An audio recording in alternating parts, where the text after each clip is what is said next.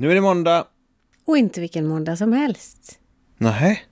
Det är internationella dansens dag idag. Ja, det innebär att vi måste dansa lite. Ja, och podda. Och podda, det gör vi, det gör vi oavsett. Precis. Så även idag. Ja, Sen förra veckan har vi inte ägnat oss speciellt mycket åt dans mer än att vi har supportat Malte som faktiskt ska tävla sin första tävling på lördag. ja. Quick and Quick har ju en tävling i Stockholm i tiodans och han ska tävla i latin. Mm. Och till slut fick vi tag på kläder som funkar. Ja, På danskläder Freestyle.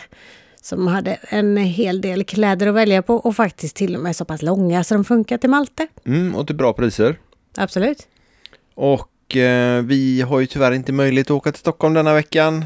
Nej, som tur är finns ju dans-tv, så det ska vi kolla på. Ja, det ska vi göra. Men däremot åker vi till Stockholm nästa vecka. Ja, Det sparar vi vi då. dess. nu, men däremot så har vi ju faktiskt intervjuat en utav, eller intervjuat, snackat med. ja, vi var hemma hos Cecilia Lazar. Mm. Domare i Let's Dance och driver en utav Sveriges äldsta dansskolor. Ja. Grundades 1953 av hennes pappa. Men allt detta får ni höra i avsnittet.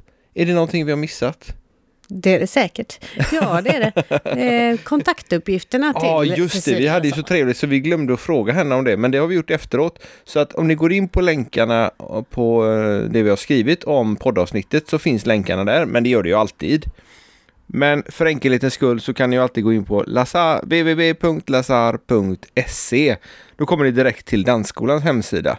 Men så finns det lite Instagram och lite Facebook och sånt där också. Och det, det kommer ni glömma av ändå. Eller det hade jag gjort i alla fall. Så det ligger på, eh, på notiserna eller på informationen om avsnittet. Och riktigt bra hemsida hade de också med Mm. en himla massa information om deras olika kurser. Så det kan faktiskt vara riktigt kul att surfa in på även om man inte bor i närheten. Ja, och sen har ju Läsars dansskola väldigt duktiga dansare också.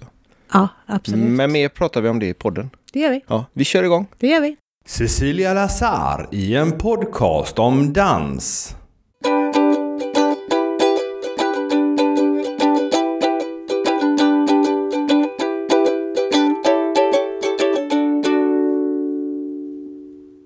Hej och hjärtligt välkomna alla goa lyssnare till Danspassion. Idag sitter jag och Maria i Göteborg. Och vi har en god göteborgare, eller göteborgska. Säger man göteborgska om tjejerna? Ja, det går nog bra. Ja, det får duga. Hon sitter här och nickar i alla fall. Hjärtligt välkommen till Danspassion, Cecilia Lazar. Tack så hemskt mycket. Eller heter det Lazar? Lazar, Lazar. skulle jag vilja säga. Ja. Bra, då har vi kommit förbi den punkten som det vi diskuterade innan. Är det Lazar eller är det Lazar? Men det är Lazar. Egentligen har jag ju två apostrofer på mina... Mm. Alltså en ett apostrof på båda. En akut och en grav. Eller vad heter Nej, det? bo, bo, eh, båda är eh, grav. Eh, Bå- Båda är grav? Ja. Ja. Och eh, då är det Lazar. ja, just det. Ja. Det är samma som paprika. Det heter inte paprika. Inte ens Göteborg? Salami. Det heter salami. Va? Okej. Och det var min pappa som började importera salami. Nej. Ja, men nu säger jag det på svenska. Okej, alltså det är... Det, jaha. Men, var det så därför han kom hit? Nej. Nej, han kom faktiskt hit som klassisk balettdansör till Stora Teatern. Eh, hoppade av. Eh, mötte min mamma. Tyckte inte att den svenska maten 1948 var sådär jätteintressant. Vi hade inga kryddor. Vi hade inte ens vitlök. Vi hade ingen paprikapulver. Det fanns ingenting. Det fanns inga goda korvar. Ingenting. Så han satte faktiskt igång och importera. Hade en stor delikatessaffär i saluhallen. Och hade fabrik också. Och gjorde saker. Och ja, han började med att importera kolbas och salami och eh, paprikapulver och vitlök. Och Ifrån vitlök. Ungern? Från Ungern, precis. Ja, för han är från Budapest om jag har läst rätt. Min far kom från Pech, men sen eh, dansade han och utbildade sig i, i Budapest. Så göteborgarna får alltså tacka er familj, inte bara för dansen i Göteborg, utan även för kryddorna? Exakt, och korvarna. Och korvarna. inte illa. Ja, det här, det här var lite extra bonusmaterial. Det hade jag ingen aning om. Men jag tackar så mycket. Vi tar matpassionen i ett annat avsnitt. Ja, vi får göra det. Men du driver tillsammans med din familj, din man och din dotter Ja, Eh, Lazars dansskola, eller? stämmer. Sen 1992. Min, eh, mina föräldrar beslöt sig för att dra sig tillbaka. De startade dansskolan 1953. Själv jobbade jag hos dem, var anställd så att säga hos eh, far och även min, eh, min bror då. Vi var sen 19, jag sen 1978 på heltid. Och innan dess jobbade jag lite grann så när jag gick i gymnasiet och behövde tjäna lite extra pengar och sådär. Ja. Och sen eh, beslöt de sig för att dra sig tillbaka och eh, mitt liv jag kunde leva mitt liv utan dans och det såg min man. Han jobbade inom en helt annan yrkeskategori. Han var mm, byggnadsingenjör. Väldigt eftertraktad sådan. Eh, Men han såg att jag skulle inte bli lycklig utan min dans. Och då valde han att hjälpa mig med dansskolan. Och att också att vi kan tillbringa lite mer tid i familjen med vår dotter som var eh, född 1990 då. Och det var 1992 detta. Så att eh, kärleken och passionen Ja. och dansen, det är ett fantastiskt team. Dansar han också? Nej, eh, socialt bara. Ja. Och, och så vill vi ha det, eller så vill jag ha det. Jag vill inte Så han ställa får några... inte dansa. Jag vill, jag vill inte ställa krav. Alltså det blir ju så. Eh, Det är ju bara att se tävlingsdansare, hur de liksom är mot varandra. Att man, man ska inte nog med att vara ett par då, och man ska, man ska då prestera någonting tillsammans hela tiden och hela tiden, ja. Nej, nej, nej, det, det, var, inte, det var inte vår grej. Nej, vi det vill njuta av andra saker. Mm. Tillsammans, ja. Och det är bland annat motorcykelåkning har jag hört. Jajamän, visste du det?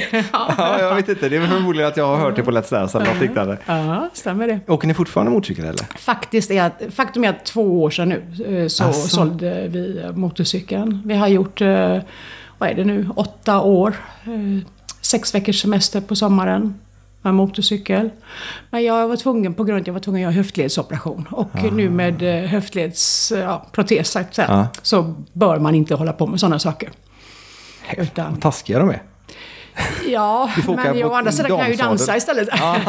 Det, ja. Så du kan dansa men du kan inte sitta i... Ja, men om något gräns- händer, om man behöver ta emot. Ah, så tänkte du. Mm, ja, ja, det, det, det måste man ju alltid kunna göra, ja. hur? Ja. När du började på eh, din eh, pappas och mamma, var mamma med också förresten på ja, dansskolan? hon skötte allt administrativt. Ja, okej. Men du, tvingade de in dig i dansen eller var det bara något som kom pratt och Aldrig. Aldrig. Det var väldigt roligt faktiskt. Jag eh, gick i kindergarten. Så jag gick hos nunnor i klosterskola, eller vad man kallar det här uppe på, på, ovanför Götaplatsen i Göteborg. Och eh, jag hade en kompis där. Hon gick i någon småbarnsballett precis bakom konserthuset nere i källaren. Och jag blev så nyfiken, jag var väl en fem år. Och det låg liksom 50 meter ifrån min skola. Så jag följde med henne dit och tittade. Och beslöt mig för att starta själv där. Så att mina föräldrar får en räkning där jag börjar själv att dansa. Så att eh, jag behövde inte mycket övertalning. Men då hade de dragit igång eh, sin egen dansskola under tiden du gick på en annan dansskola? Ja, eller? men detta var precis på, på dagen så hade jag följt med Aha, henne så gick jag in okej. där. Ja. Och innan de skulle komma och hämta mig därifrån då. Så ja, jag var lite halvskum där tydligen. Och sen har du bara rullat på? Ja, exakt. Jag har dansat hela mitt liv. Vi hade inga så, alltså pappa och mamma hade inga sko, eh, grupper för så unga som jag var då. så Nej, att, eh, okej. mm. Men eh, ja, Det har kommit senare. Men nu är det barn som är fokus på er dansskola, eller? allt. Jag skulle säga alla äh, ålderskategorier. Från tre år och uppåt. Och eh, uppåt finns ingen gräns. Nej. finns allt. Vi tittade på er hemsida och hittade massor av danser som vi aldrig har hört talas om förut. Kommer du ihåg några Peter? Ja, men jag har lappen här. Ja, bra. Dance Hall. Dancehall, ja. Jättepopulärt. Va, vad är det? Konditionskrävande, skakar rumpa. kan man säga. kan man säga så. Ja, det är ju kul Ja, det man, med. absolut. Och sen fanns eh, reggaeton. Ja, det är liknande också. Okej, Ja. fast annan musik Ja, då. annan musik, ja. Ja.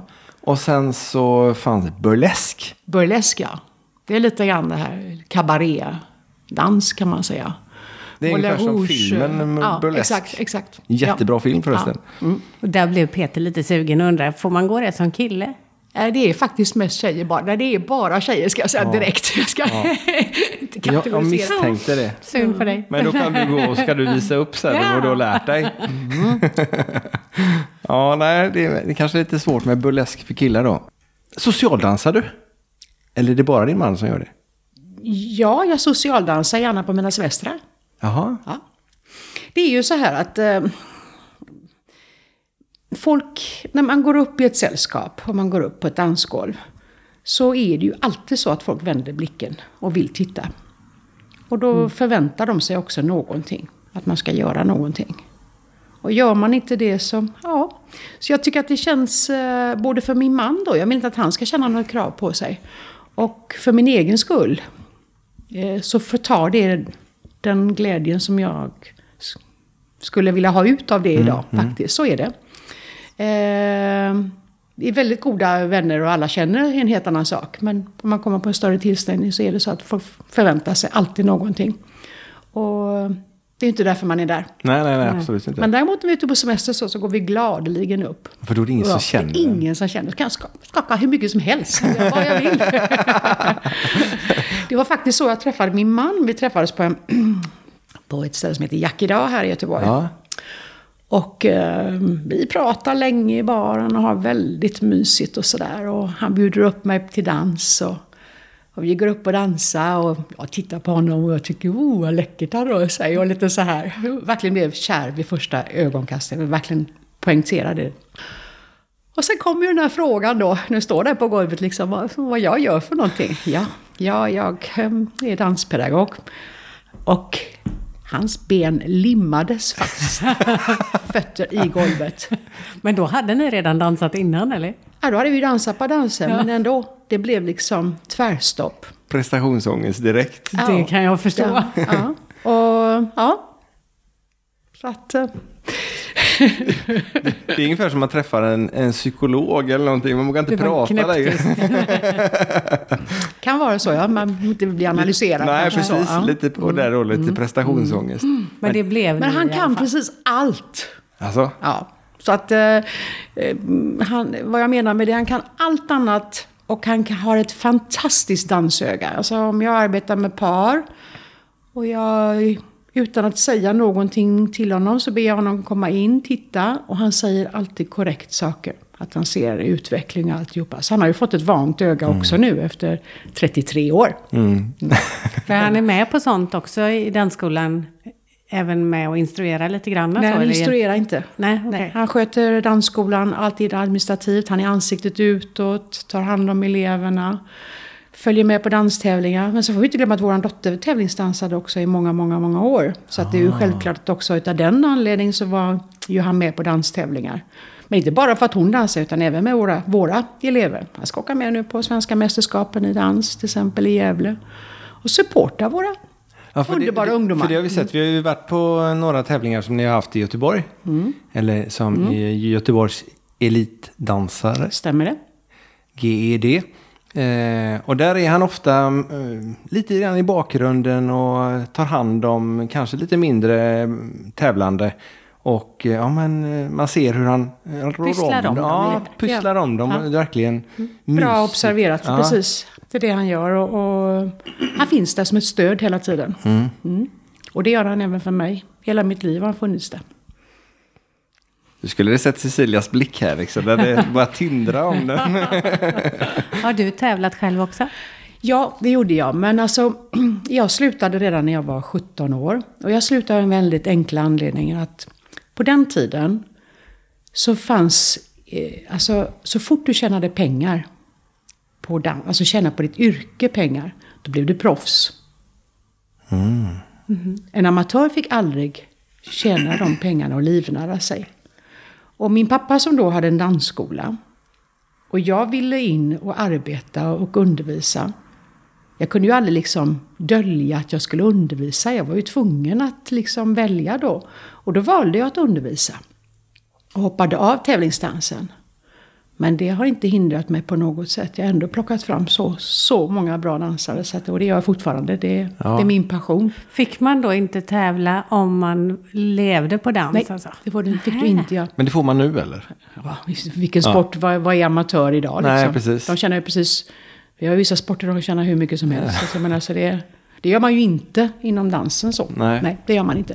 Men, eh, mm, nej, på den tiden var man tvungen. För du har, eh, om, om man nu inte är insatt i tiodansen så har vi åtminstone, och man kanske tittar på Let's Dance, då har du i alla fall minst två som jag vet. Det är Alexander Svanberg som bland annat tävlade med Bianca Ingrosso.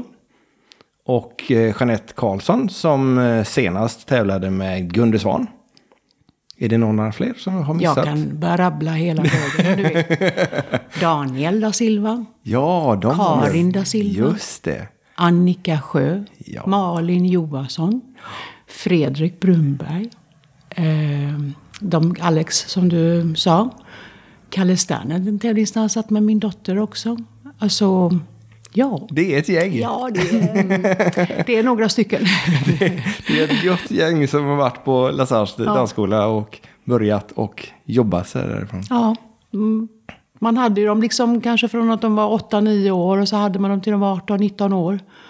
Vissa längre. Det beror ju lite grann på efter gymnasiet, man ska välja karriär och det kanske inte fanns tid för tävlingsdansen eller ja, eller skaffa sig familj eller någonting sådant. Så att, eh, Sånt som kommer i vägen. Ja. ja, det är trist men så kan det vara. Ja. Om man inte bestämmer sig för att då ha det som en profession sen då. Ja, kanske. just det. Då är det en annan sak. Ja. Finns det tävlingar i de andra danserna ni har på dansskolan också? Ja, Eller? det gör det. Men eh, jag är inte inbland, inblandad i det. Nej. Nej. Jag är inblandad bara i standard och latin. Det är inte så bara. Nej, jag skulle säga det. Att jag vill inte splittra mig utan eh, det är vad jag är passionerad i och vill få bra resultat i. Vilket ni också lyckas jättebra med. Ja. Är det någon utav... Eh, nu, nu återkommer vi lite grann till Let's Dance. Som du då är domare i. Hur länge har du suttit som domare där? Fyra år. Fyra år. Hur blir du, hur blir du eh, ditlockad? Alltså jag var ju redan ditlockad första med en gång. Jaha, Ja, men då var jag inte intresserad. okej. Och då gjorde jag ett annan, ett annat, en annan uppgift. Ehm, första året som Let's Dance gick så var det ett program som gick på onsdagar under en halvtimme. Där jag undervisade David Helenius i ehm, grunderna i de danserna som skulle komma till helgen då. Just det. Ja, så att, eh, och det kunde man liksom spela in på ett par dagar bara. Och det gjorde vi under min julledighet. Så att där gjorde vi det och eh, det räckte för mig då. Ja, ja. Och sen har jag varit, alltså jag är ju en väldigt omtyckt domare ute i världen och jätte, jättemycket jobb. Och dansskolan är som sagt min stora passion. Jag lever för min dansskola. Jag behöver liksom inte ska vi säga Let's Dance för att göra Nej. och leva Nej. igenom så att säga. Och så att jag har valt det. Nu har jag lite mer tid. Jag har en dotter som har blivit eh, 28 år och eh, gör ett jättefint jobb. Och jag kan känna att jag kan också ta det lite lugnare själv och välja exakt vad jag ska arbeta med. Så att eh, det gör att jag kan göra Let's Dance nu. Och har tid och tycker att det är kul att göra det. För då flyger du upp på fredagar eller? Jag åker tåg på torsdag kväll. Du åker tåg på Ja. fredag. ja. Det är miljövänligt och bra. Så det, Ja, och inte bara det. Alltså, härifrån och åka ut till Landvetter. Ja, det tar nästan 20 lika lång tid. minuter. Så ska Ja. du parkera bilen, så ska du security eh, och så ska du ja, checka in i bagage. Och sen eh, ska du på pla- ta planet och sen ska du ta en taxi därifrån till hotellet. Så jag menar, jag känner, vad är det, 10 minuter skulle jag göra. Oj. Och ta tåget så tar det 3 timmar och 4 minuter. ja, det blir Ja. ju... Då kan du lika gärna göra det. Eller hur? Ja, och som du säger, klimatsmart. Ja, precis. Och så slipper du parkera bilen på Landvetter. Ja, Ja, det är bara fördelar. Mm, ja, bara den grejen. Ja, för det är väldigt lätt att komma till centralen därifrån. Mycket. Men då eh, åker du upp och sen så på... Men det är inte domare på genrepet. För det var vi för första gången för några veckor sedan och kollade. Och då var det några små eh, assistenter som, som satt där och Ja. viftade Ja. med, med eh, nummerlapparna. Eller vad heter det? poänglapparna. Ja. Förvånansvärt kul det också med tanke på att de inte var riktiga domare. Ja. Men de var riktigt kul kommentarer de Ja. faktiskt. Och sen på kvällen så eh, är det skarpt läge. Men, men ni, ni vet bara vilken, vilken dans och vilket Vi vet par vilka danser de ska göra och vilken ordning. Och eh, i år har vi kanske blivit lite mer strukturerade med att jag pratar kanske lite mera om teknik och utförande. Ann kanske mera den känslomässiga biten och Tony den här oförutsägbara. Så att vi, vi har fria tummar i det. Så vi har våra fack. Förut, första året jag kom in och så, så var allting, jag kom ju in helt ny och hade liksom ingen, ingen struktur riktigt. Nej. Jag får liksom leta mig fram lite grann. Men nu har vi en struktur hur, hur vi gör alltihopa. Och det kan jag ju också känna själv kanske att eh, om jag ska jämföra min egen utveckling från första året tills nu så känner jag mig jättemycket mer stabil nu och stolen är min. Den Men det känns nog Ja. när man tittar på det också. För det är liksom lugnare och behagligare att titta på på något vis. Så det känns att man eh, vet ungefär vem som kommer att säga vad i den typen av kommentarer. Ja.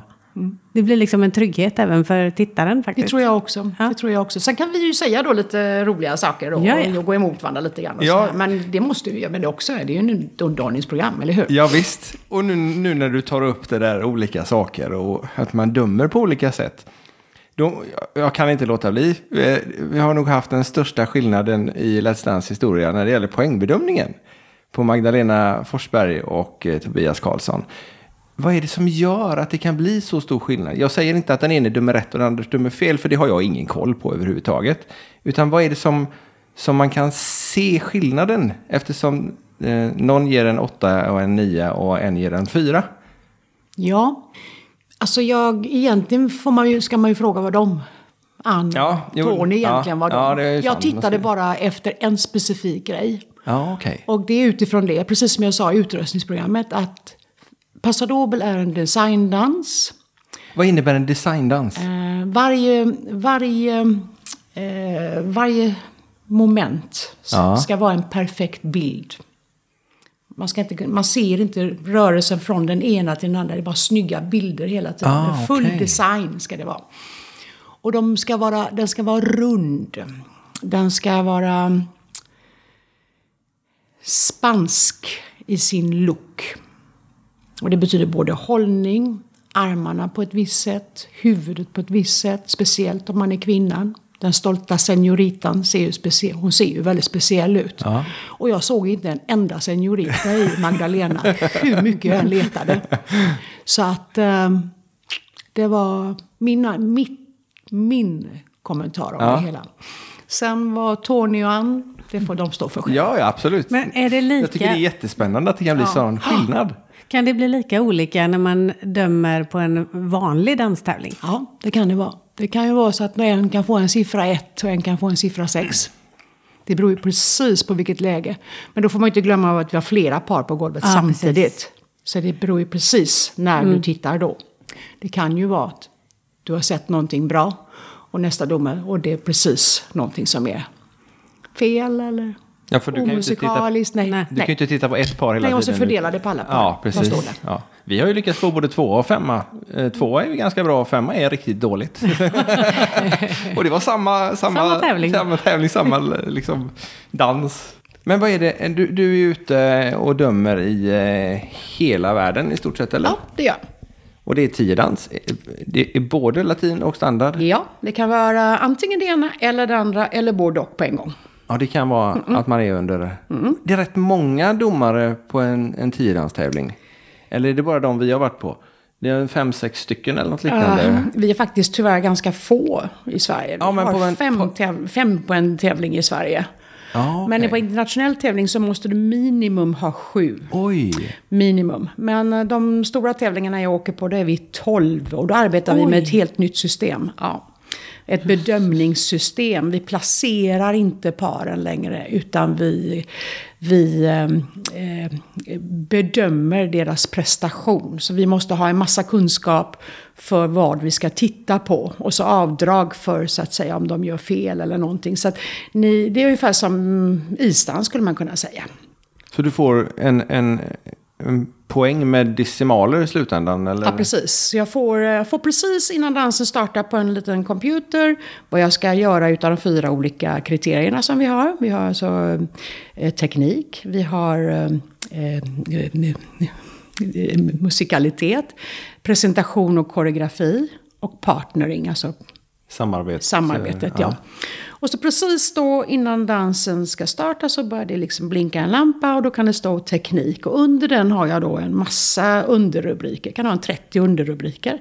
Som jag då ska försöka vandra igenom i huvudet och ha koll på. Ja, Och det är en och en halv minut. Ja, en och en halv minut, exakt. Nej, som solodans har du en minut. Då har du bara ett par framför dig. Och Ja, det är ju okej. okej. Ja. Eh, däremot så kan du, har du, och ut, utav de här fem danserna de dansar då, om det är antingen latin eller standard, så har du tre danser där de är tillsammans på golvet. Och då gäller det att vara snabb alltså. Då gäller det att vara snabb. Eh, att döma den typen, det är ett stenhårt arbete med hjärnan. Det är ingen avkoppling. Förr i tiden när man dömde ute så kunde man liksom stå och man kunde njuta och man bara kände och ta till sig och bli berörd och liksom låta sig följa med med något par man tyckte väldigt, väldigt mycket om. Herregud, den tiden finns inte nu. Det är bara, det är bara och hela tiden bara Ja, hur, många Så par, alert. hur många par så det är på, på sex par i en final då. sex, Ja. Mm. sex par. Och så har du då 90 sekunder. Det är inte många sekunder du kan titta på varje och Nej. ska kunna Nej. hitta dessutom på, på datorn. Ja, då har du ett system från eh, 1 till 10. Och det kan vara 1,25, 50 eller 0,75 och så kommer 2 sen. Och så hela vägen upp då till 10. Men när vi använder det här så använder vi det här på world, alltså världsmästerskap, på eh, Grand Slams, European Championships, vissa kupper. Och då är det bara de bästa paren i världen med. Och då använder vi det från semifinal, från att det finns 12 par kvar. Och när vi kommer till finalen, så de sex paren som är kvar i finalen, de är ju så fantastiska i sig allihopa. Och så hinner ni inte njuta utav det. Nej, exakt. ju Förstår hemskt. du hur eländigt man har det? Stackare. Det måste ju vara fruktansvärt. Vi åkte ju upp till SM förra året. Och vi, ja, vi hade några kompisar som skulle vara med, men vi, vi tänkte ja, men det är ju kul att det är tiodans också. Vi satt ju bara eh, hakorna vid knäna och dreglade på, på tiodansarna för de är så otroligt duktiga. Och då är det inom citationstecken bara SM. Det är ju inte VM eller liknande, för det måste ju vara en, ytterligare ett gäng snäpp upp. Ja, vi har, tråkigt nog att säga det, så har Sverige fortfarande en bit på, kvar på, på vägen för att nå till Det den. är så? eh, Ja, det är så. Men det har ju också lite grann med vår kultur och vårt sätt att vara. Och, eh, alltså, ryssarna leder, italienare leder. Eh, alltså deras, och kineserna, jag menar, De lägger fler timmar helt enkelt, eller? Ja, alltså för deras väg, deras... Jag är inte säker på att de alltid njuter av det de gör faktiskt. Det känns ibland som att... eh, Det är mer ett jobb ti- för dem Ja, kanske? det är, ett, annat, eh, det är en annan push, alltså. det är ett Ja. annat driv, det är en annan mentalitet, det är vägen ut, det är, Ah, okej. betyder livet på ett helt annat sätt. Vi har ju några inom andra sporter i Sverige så, sådana framgångsrika som bara... Men eh, jag vet inte, inte riktigt kanske den svenska naturen att vara så.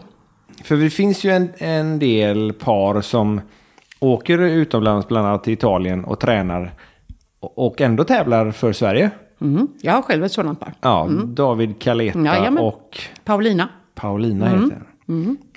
Superduktiga. Det är, ja, det är verkligen en fröjd för ögat att se. Men sen så har du några eh, par, eller du har säkert fler par, i Göteborg som också är... De märker ut sig. Det, det syns liksom att de, de älskar dansen. Det är, inte, det är inte bara dans, utan det är... De får fram sin karaktär på ett helt annat sätt än vad många andra får. Många gör dansen och koreografin. Detta är vad jag tycker, jag är ingen domare. Men de här paren, de, Ja, det får verkligen och det lyser upp på dansgolvet. Utstrålar danspassion alltså. Ja, så ska jag ha sagt. Det har jag sparat många minuter på. För det du säger tror jag är helt enkelt att det är det som... Att du vill titta på ett par, det är att de skapar den atmosfären som behövs för dansen. Och att de själva också vet vad de vill visa i sin dans. Det är inte bara att gå upp och göra en massa rörelser. Utan de måste helt vara på det klara med att de har en story på något sätt av vad de vill visa i sin dans. Annars blir det ju ingenting. Vet inte de själva vad de håller på med, hur ska betraktaren veta det? Nej, just det. Nu pratade du om ett par, det, men det var ju tiodans svenska mästarna det. Eh, David och Paulina.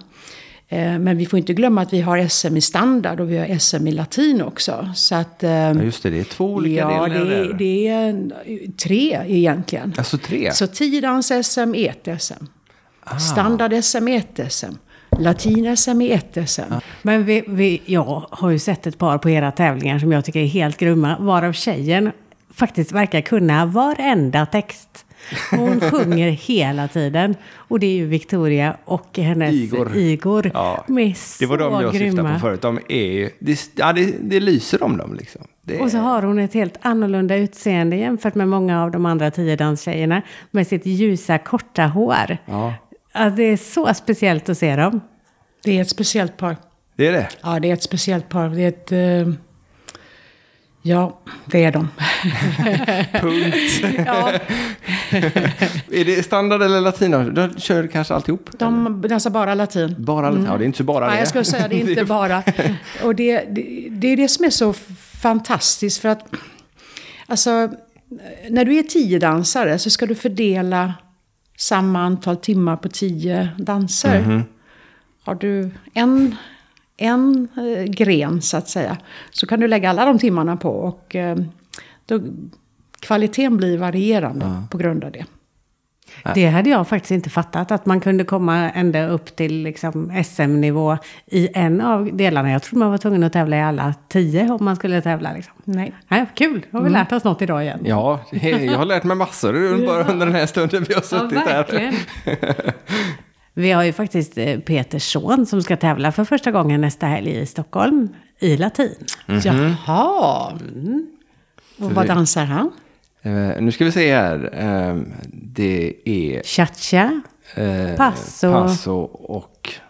Ja, rumba kanske? ja, Kan det vara det? Kommer faktiskt inte ihåg. Förlåt Malte. vi har i alla fall... Passo? Nej, det kanske det Jo, inte men jag var. tror det var passo Är det inte Cha-Cha Rumba Jive? Jo, men det är Ja, det men nog. då säger vi det. Ja, jag, han har nog du bara är domare, jag har ingen aning. ja, jag vet inte.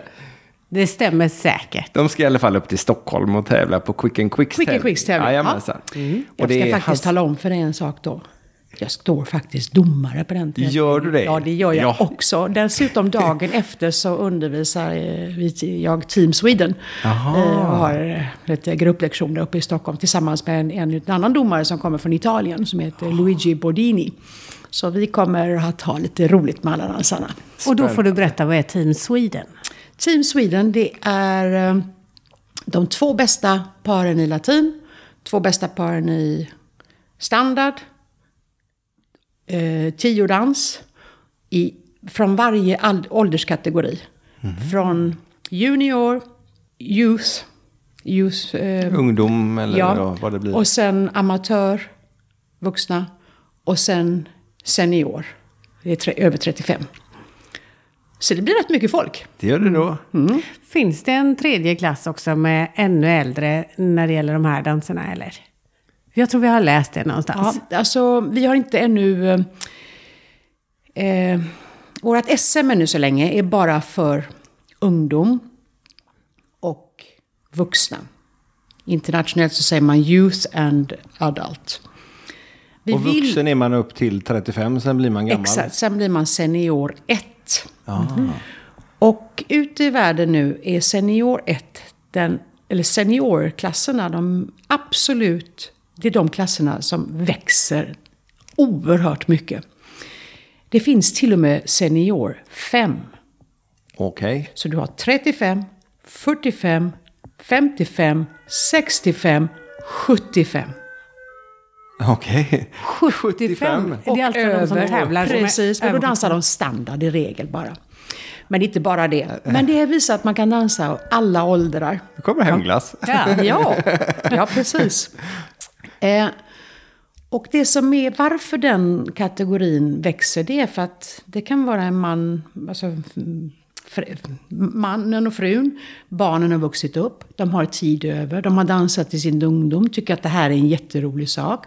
Gör ett event helt enkelt av att åka på tävlingar runt i världen. Så att de lär sig dansa, precis som alla andra tävlingsdansare, åker runt, kanske åker till Tyskland eller till Italien. Och så åker de på fredagen och kommer hem på måndagen och så gör de lite grejer runt omkring den här tävlingen. Och tycker om att klä upp sig och piffa till sig och, och, och träna och hålla kroppen i trim. Därför de har tiden. Vad ska de göra sen? Det ett Det fan... låter som något för oss när vi blir lite äldre tror jag. Ja, det hade varit kul. Visst låter det roligt? ja. Ta sin lilla pick och pack och, och åker. Ja, då får det bli husbil Då får det bli husbil. Ja, ja men det låter väl som en jättebra Men varför finns inte det i Sverige då? Det borde väl vara samma Vi, grej eh, här? vi, mm, från och med 2020 ska vi ha SM för eh, seniorklass också.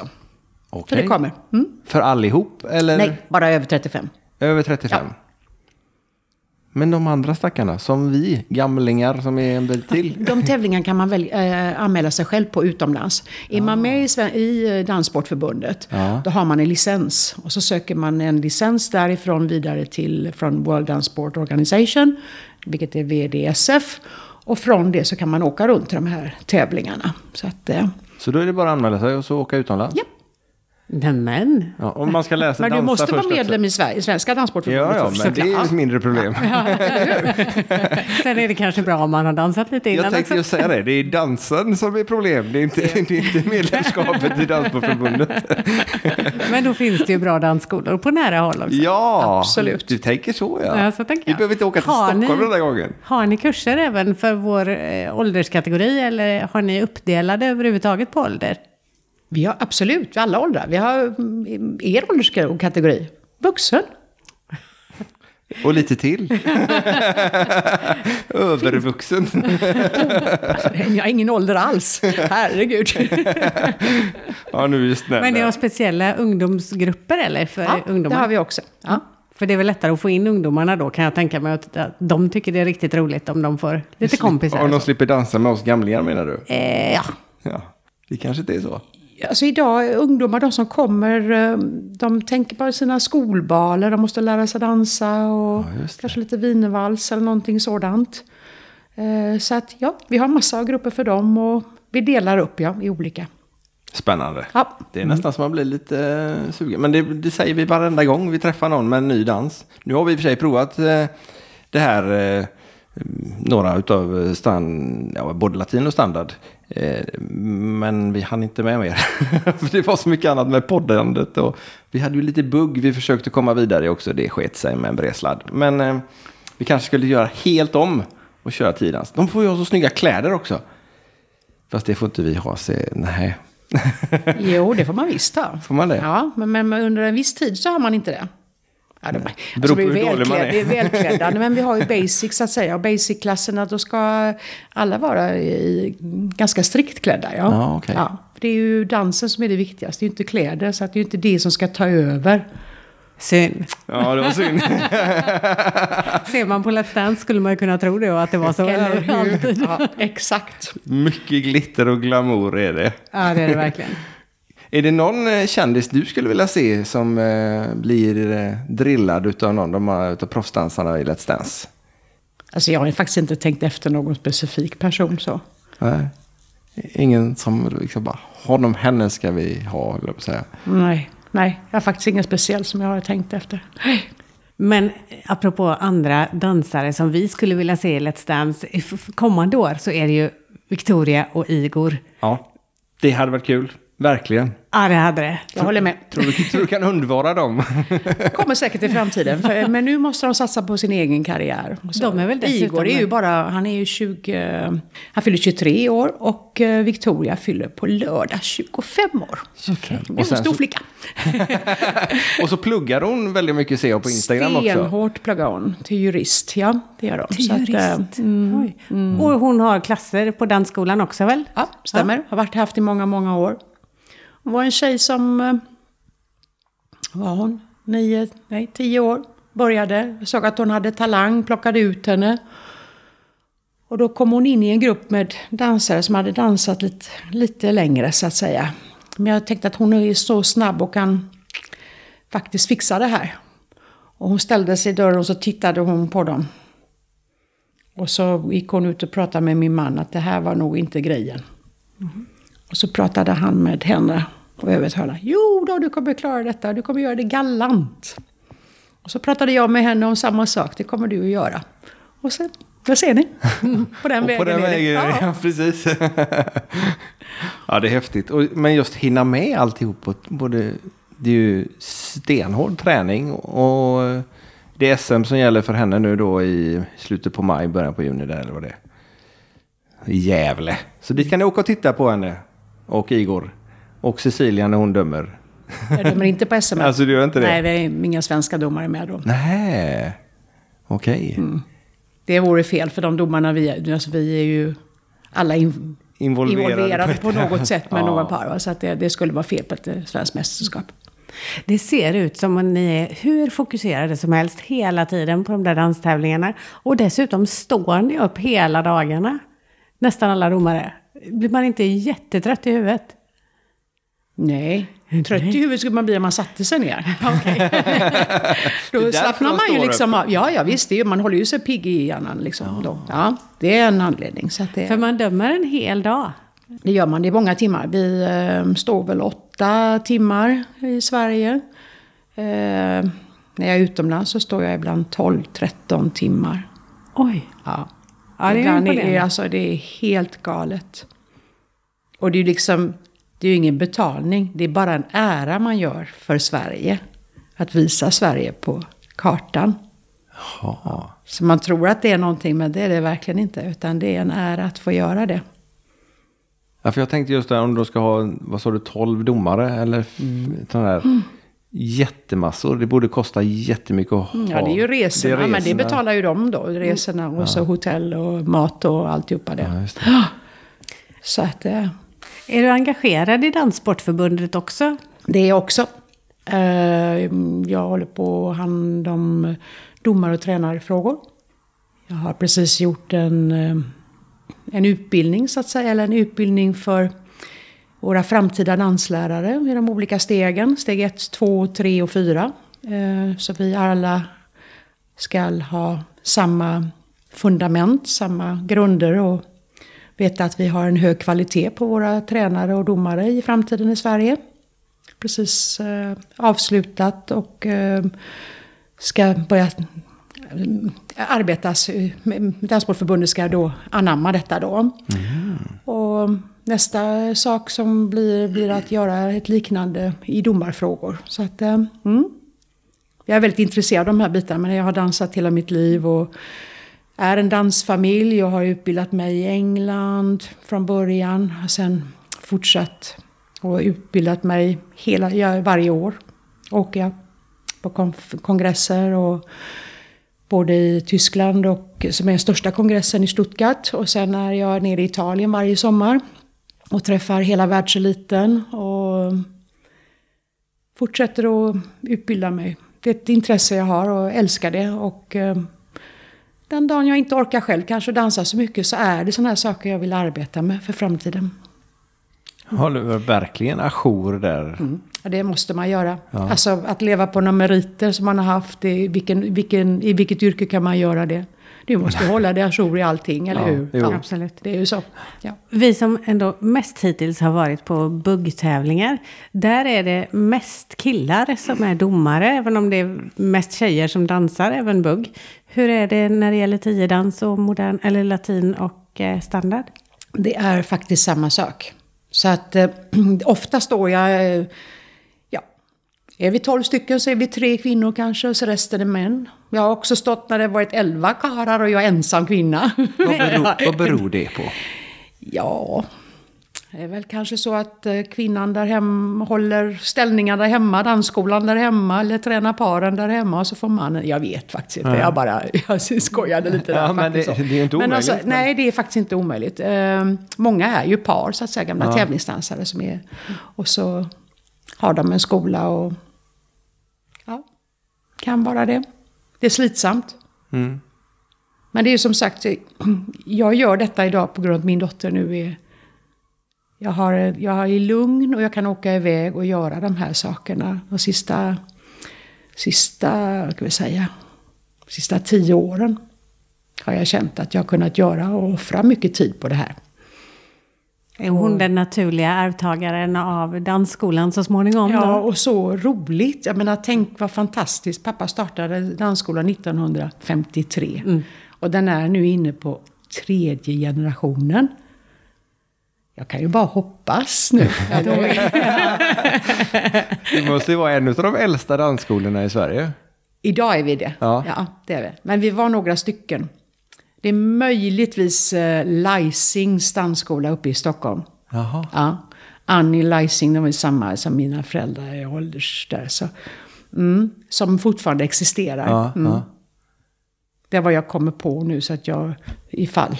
Och den har jag inte hört talas om. Inte jag heller. Har ni haft samma storlek ungefär hela tiden? För ni var stora redan när jag var ung. Det är ju ett tag sedan. Men, Vi har, vi, pappa började ju med en studio då, men sen när Johan och jag, min bror och jag började undervisa så var vi tvungna att skaffa eh, större ställe. Så att då har, vi- nu har vi... Då, har- vi hade då på Vallgatan vid Kungsportsplatsen och så hade vi på Odinsplatsen en lokal.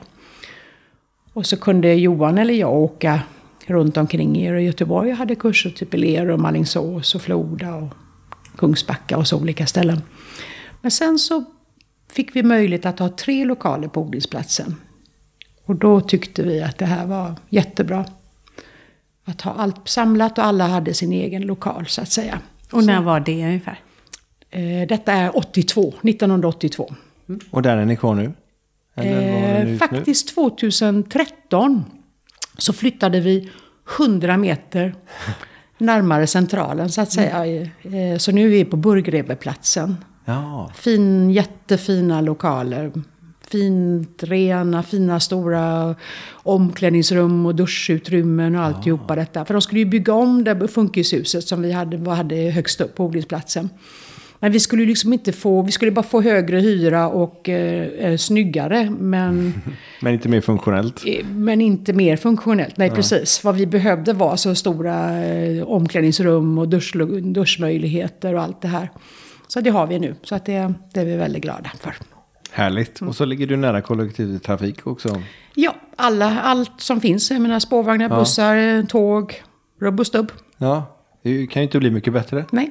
Har ni fridans också? Det kommer jag ihåg var en av de roligaste sakerna hos er. För när jag gick så hade ni fridans på söndagarna. Jaha, elevafton kallade vi det. Ja. Så var det, herregud ja. Oh ja, vilka tider det var. Så gammal du blev nu Maria. Ja, nej, jag, alltså, men det var helt otroligt. För då på den tiden hade vi grupper. Vi hade 14 till 17 år. Vi hade eh, 17 till 25 år. 17 till 25 årsgrupperna, det var jättestora grupper. Det kunde liksom vara 50-60 pers i varje. Och vi hade minst tre sådana. Sen hade vi fortsättningskurser och gick på söndagar. Och alla de här som jag räknade upp nu, de kom då på söndagar klockan halv åtta fram till kvart i elva. Och liksom då hade vi eh, DJ som spelade hela tiden. Och alla bara dansade och vi hade så roligt. Och det var, det var en 110-150 ungdomar inne och hade hur kul som helst. På ett naturligt och fantastiskt sätt. Och ja, att uh, fått uppleva det, det är, verkligen det är jätteroligt. Jag saknar det så jättemycket själv. Jag saknar detta. Det går Finns inte att göra inte det. underlag för det idag? Eller? Nej, det gör inte det. Det gör inte det. Det ska vara så mycket annat runt omkring och det... Tyvärr. Det, Och det är ju varför detta inte finns underlag för, det tror jag det beror på att överhuvudtaget dansställen har ju upphört att finnas. Mm. Jag menar, förut så hade vi ju Generalen, Kinkan här i Göteborg, vi hade ju Rond och vi har ju dansställ, Valand. Så vi har ju ställen Nu som man blir jag på. nostalgisk. Ja, eller hur? Men det var ju så. Men sen dansgolven blir ju bara mindre och mindre och mindre. Ja. Därför att de skulle ju tjäna mer pengar på alkohol istället, på de här ställena. Och till slut så finns det ju inget, vad, vad, det finns ju inget dansgolv idag. Nej. Hur står ungdomarna? Inte De står på baren möjligtvis och dansar lite. Och så finns det många ställen där det är ren fridans, där man dansar till Spotify, fast i mycket mindre lokaler och mer på liksom, hobbybasis, som man säger så.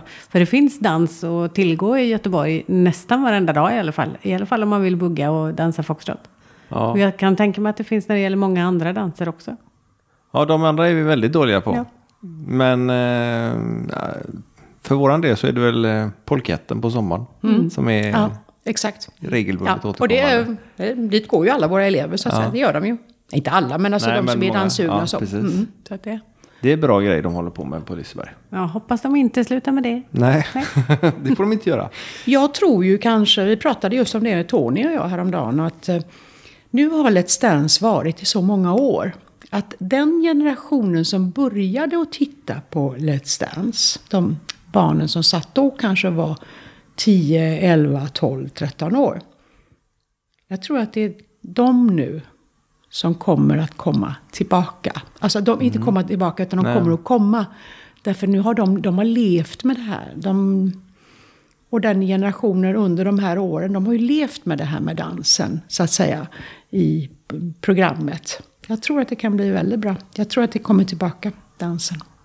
Det är ju så kul att se också. Och det är så kul att utöva.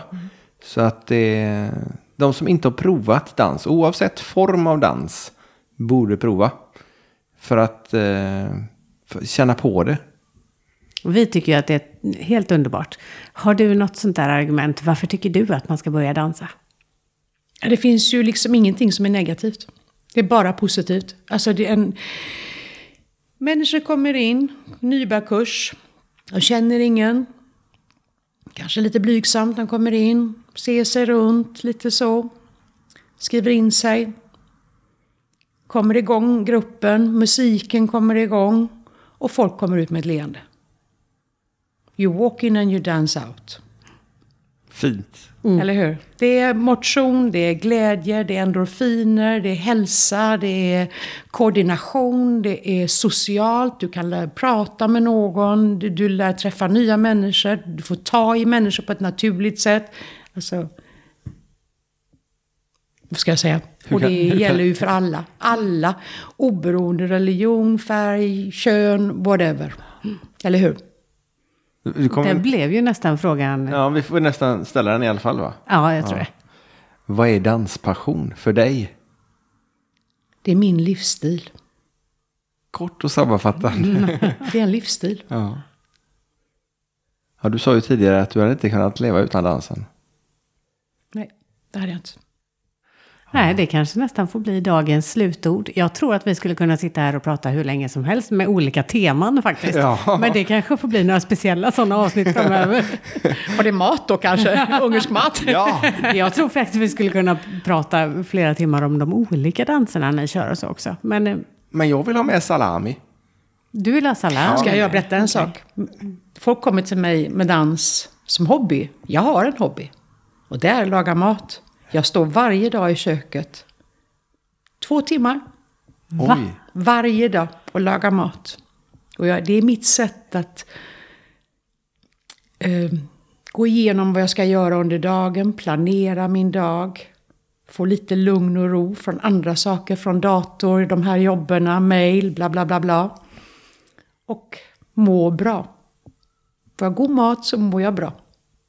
Nyttig mat ser det ut som också då Nyttig när man mat. ser din kropp. Tack. Får man säga så? Ja, det får man. Du får säga det i alla fall. Hade jag, hade jag sagt det så hade det varit lite mer kinkigt kanske. Så kan det vara. Ja, som sagt var, vi skulle kunna sitta här en bra stund till. Men eh, vi får inte ha för långa avsnitt.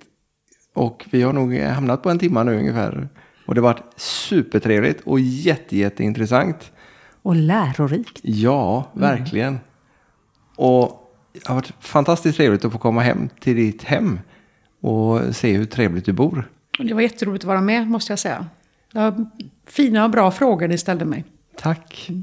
Och eh, som sagt var, tack för att du ville vara med i Danspassion och tack för att ni har lyssnat på dagens avsnitt med Cecilia Lazar.